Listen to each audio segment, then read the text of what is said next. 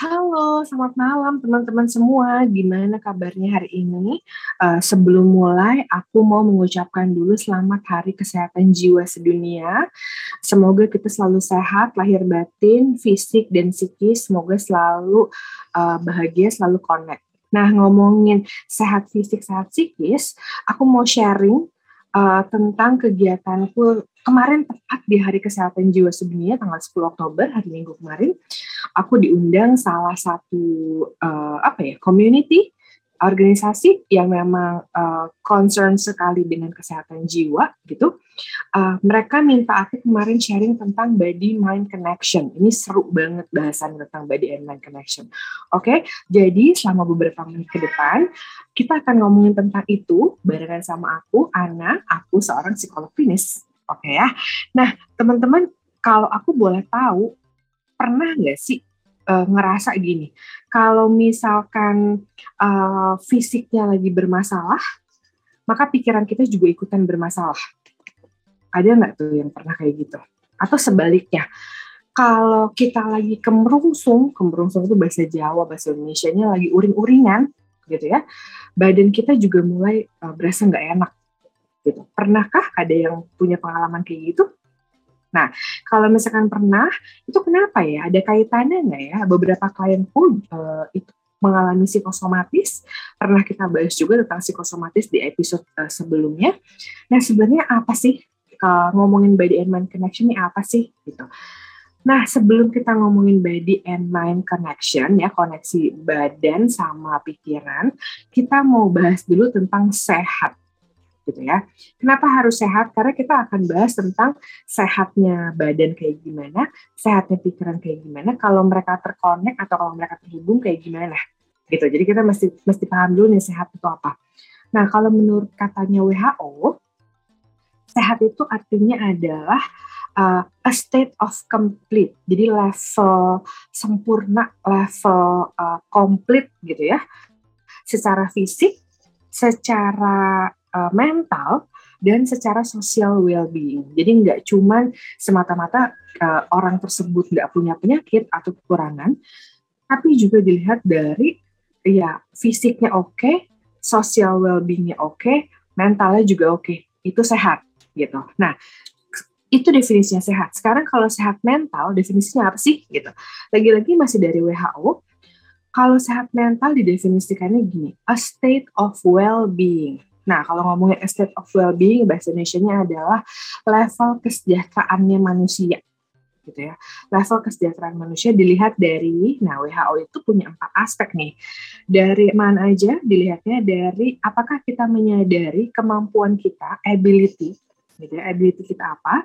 Kemudian apakah kita bisa coping atau menghadapi stres uh, di dalam kehidupan kita sehari-hari kemudian bisakah kita produktif bekerja, kemudian apakah kita mampu berkontribusi terhadap komuniti kita atau lingkungan kita gitu. Jadi level kesejahteraan individu, level kesejahteraan mental individu itu dilihat dari empat itu.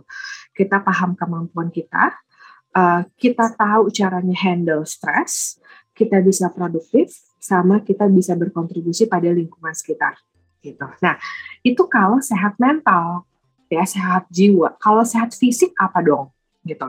Sehat fisik itu adalah ini definisinya aku ambil dari Minnesota University. Uh, ini adalah healthy body gitu ya. Sehat, tubuh yang sehat itu adalah tubuh yang di maintain dengan nutrisi yang bagus gitu ya. Kemudian olahraga teratur, kemudian menghindari uh, perilaku perilaku yang uh, harmful gitu ya atau merugikan. Sama kemudian kita aware uh, kita sadar bahwa kalau kita sakit ya kita butuh konsul ke uh, dokter gitu. Jadi itu adalah kesehatan fisik. Nah terus yang paling benar mendingan sehat fisik apa sehat jiwa gitu. Yang paling benar adalah kalau balance kalau seimbang. Fisiknya sehat mentalnya juga sehat gitu. Fisiknya sehat, hatinya sehat, jiwanya sehat gitu. Nah, gimana dong caranya bisa balance? Nanti kita bahas. Nah, manfaatnya dulu deh kita bahas ya. Manfaatnya apa? Manfaatnya uh, ada empat kelompok besar gitu ya. uh, bisa naikin produktivitas, bisa improve atau memperbaiki kreativitas, kita bisa lebih baik membuat keputusan, better decision making, sama satu lagi uh, better emotional intelligence. Jadi kita bisa tahu tuh uh, apa emosi kita seperti apa. Nah, kalau di breakdown lagi kecil-kecil, dampaknya itu atau manfaatnya apa sih? Itu bisa sampai gini nih teman-teman. Bisa kita jadinya tidur dengan nyenyak, bisa jadinya kita bisa fokus kerja, memori kita atau ingatan kita lebih tajam gitu ya. Kemudian kemudian kita bisa lebih percaya diri atau lebih yakin pada diri kita sendiri. Kemudian kalau misalkan kita jatuh, kita mungkin banget balik bangun sendiri gitu. Butuh orang lain pasti butuh gitu, tapi kalau udah orang lain ngedorong-dorong, kitanya belum siap untuk bangun kan juga nggak akan bangun gitu. Nah itu manfaatnya buat sehat jiwa. Terus kalau misalkan nggak sehat jiwa gimana? Oke, kalau misalkan nggak sehat jiwa, itu bisa punya dampak dari mulai anxiety yang paling sering, depresi, stres, gitu ya sampai PTSD. Kalau misalkan diturunin lagi uh, uh, simptomnya atau gejalanya kayak gimana, uh, ada nggak sih kalau di sini uh, stres habis itu makan banyak? Gitu. Atau misalkan justru nggak mau makan?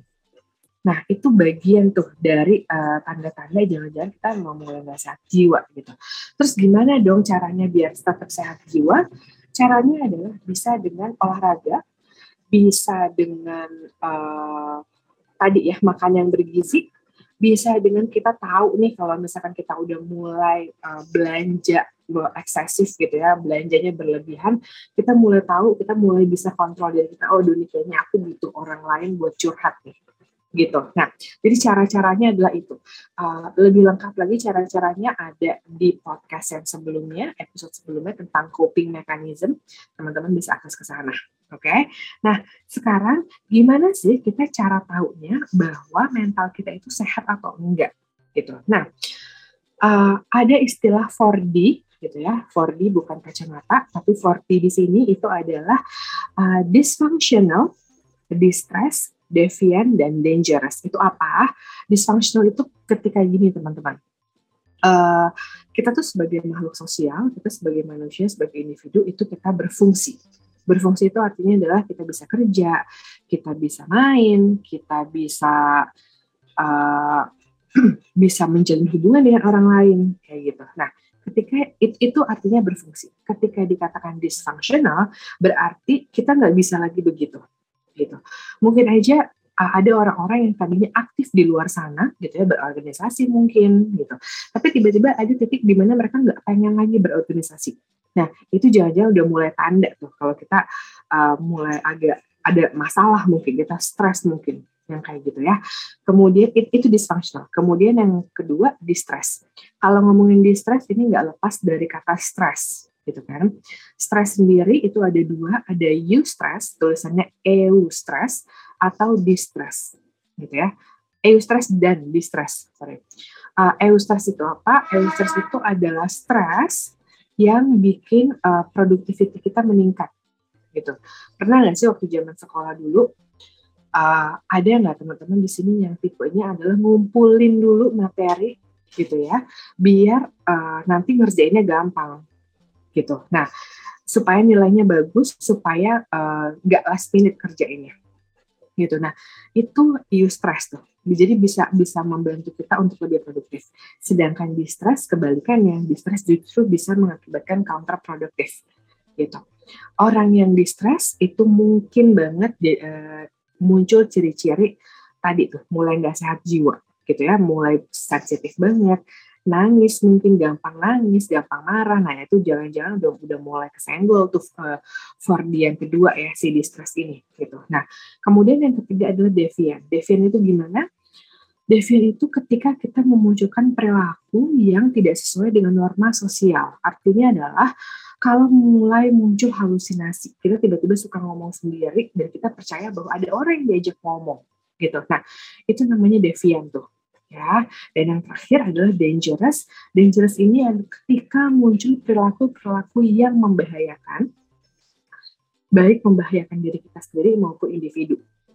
Gitu. Nah, kita nggak perlu nunggu empat-empat yang muncul, teman-teman. Salah satu aja muncul, itu kita udah mesti harus hati-hati gitu ya. Mesti mulai harus cari bantuan psikolog mungkin, nyari bantuan psikiater mungkin, atau mungkin sesimpel curhat dulu sama temen juga nggak apa-apa, tapi yang pasti itu mesti diolah tuh. Gitu.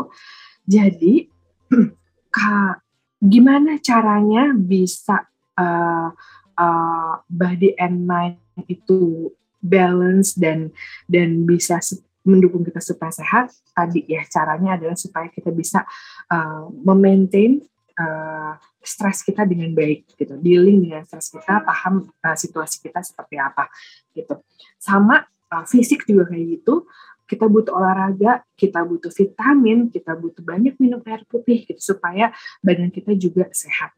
Nah, koneksi dari kedua hal ini yang membuat kita 100% sehat gitu. Sehingga kita bisa berfungsi lagi secara optimal di lingkungan sosial gitu oke okay? semoga sharingku hari ini bisa bermanfaat buat teman-teman jangan lupa kalau misalkan mau uh, ada uh, topik yang mau dibahas gitu ya atau ada ide-ide mau mau datengin uh, siapa kayak gitu mau di, uh, ikutan diajak ngomong sama aku silahkan drop DM di Instagram at 20,000 words podcast atau email ke aku ana.desiana at gmail.com nanti aku akan coba cari materinya atau cari narasumbernya yang memang pas banget untuk ngebahas tentang itu gitu.